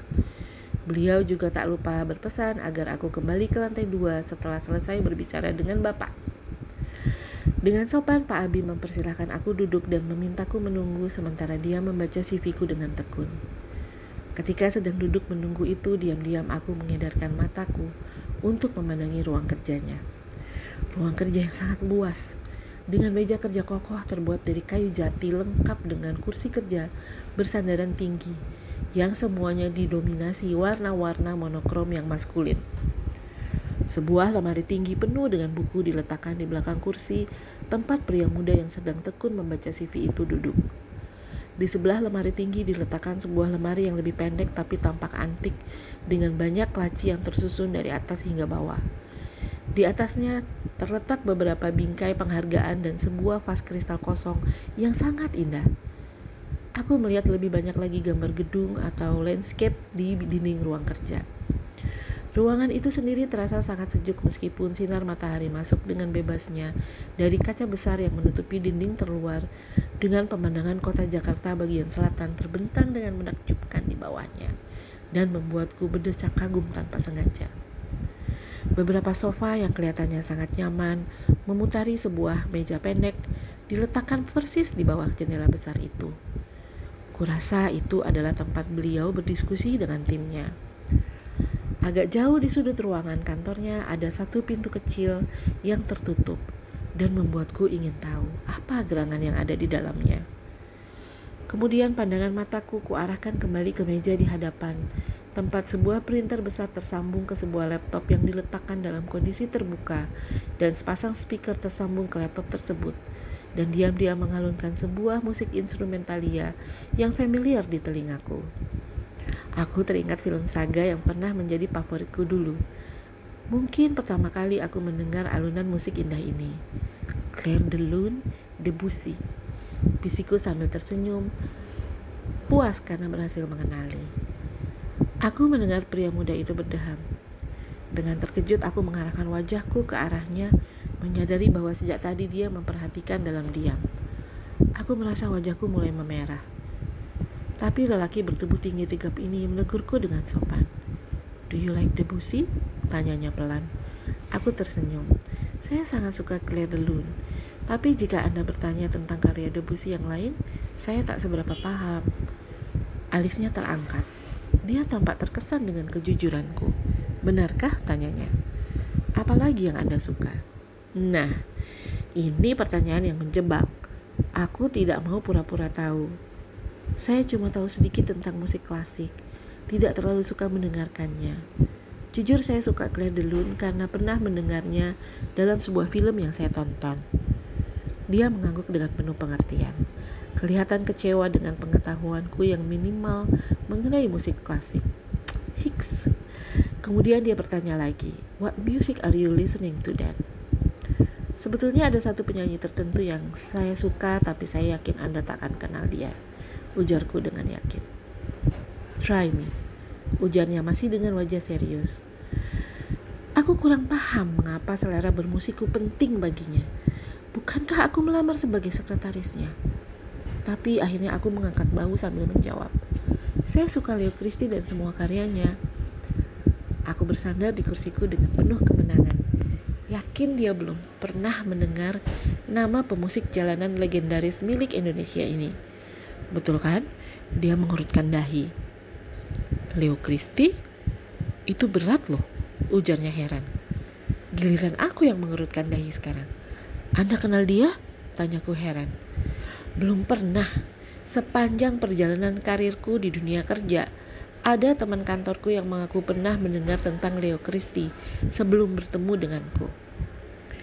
Dia tersenyum samar sambil mengangkat kedua tangannya. Nanti dulu, saya pernah membaca tentang dia di surat kabar, bukan berarti saya kenal dengan dia secara pribadi, ujarnya. Loh, saya kenal dia secara pribadi. Saya bisa memberikan tiket konsernya jika beliau masih ada. Jawabanku yang terlalu bersemangat membuatnya terpaksa tersenyum. Album karyanya hanya sedikit ya, Ya ya, dibeli hanya oleh fans gila alias fans fanatiknya. Jawabku dengan mata berbinar. Are you? Tanyanya dengan alis terangkat. Ya, bisa dibilang begitu, kataku sambil menyeringai. Which song is which, which song is your favorite? Tanyanya. Aku menggaruk kepalaku yang tiba-tiba terasa gatal. Semua lagunya saya suka, jawabku menyeringai. Dia langsung menatapku dengan tajuk. Seriously? Tanyanya. Aku mengangguk malu. Seriously, jawabku tersipu. Kemudian ia mengangguk-angguk dan wajahnya mendadak menjadi sangat serius ketika melontarkan pertanyaan berikut. Ceritakan tentang suami Anda. Suamiku? Tanyaku terkejut. Ini interview pekerjaan yang paling aneh yang pernah aku lakukan. Hmm, suamiku dulu kerja di pabrik susu. Saya kenal dia sejak SMA dan kami sudah bersama selama 8 tahun terakhir ini. Orangnya sangat pendukung dan murah hati. Mengingat Mas Bimo yang lembut membuat mataku berbinar. Dia mengangguk kemudian melanjutkan pertanyaan aneh berikutnya. Tell me about your children. Dengan wajah berseri aku menceritakan kedua putra-putri kesayanganku. Tristan, tujuh tahun, laki-laki. Dia berjiwa tua. Anak yang sangat manis dan penolong bagi saya dan suami. Mutia baru saja ulang tahun kelima minggu lalu. Dua-duanya sehat dan selalu membuat kami bahagia. Kemudian aku mengeluarkan dompet dan mulai memamerkan foto-foto kedua anak dan suamiku tidak menyadari wajahnya yang terkejut ketika ku sadari dompet, ketika ku sodori dompet. Tapi dia menerimanya dengan sopan, tekun memandangi foto-foto yang ada di sana, kemudian terdiam agak lama. Lalu dia bertanya lagi, Anda sudah tinggal di rumah selama satu tahun, kenapa? Dan mengapa Anda memutuskan untuk bekerja lagi? Itu masalahnya. Saya dulu berhenti bekerja untuk mengurus suami saya karena dia terdeteksi menderita kanker. Aku melihat wajahnya mengerjit. Itu berat ujarnya. Tapi sekarang kami kehabisan uang, jadi saya memutuskan untuk bekerja lagi. Aku menatap matanya dengan pandangan yang penuh dengan tekad. Untuk suami saya, untuk keluarga saya, saya harus bekerja kembali. Kenapa bukan sebagai sales manager? Kenapa sebagai PA? Tanyanya. Saya sudah beritahu kami butuh uang. Saya butuh dan saya sadar tidak bisa pilih-pilih pekerjaan saat ini. Jadi saya akan terima pekerjaan apa pun yang cocok untuk saya, jawabku akhirnya. Dia menghela napas panjang, memandangiku dengan matanya yang coklat kemudian berkata, Anda sangat jujur ya. Aku menesa sambil menggeleng. Saya hanya mencoba untuk realistis, Pak. Saya tahu Anda membutuhkan asisten yang tahu cara membantu Anda. Dan Anda tahu saya sangat membutuhkan pekerjaan ini.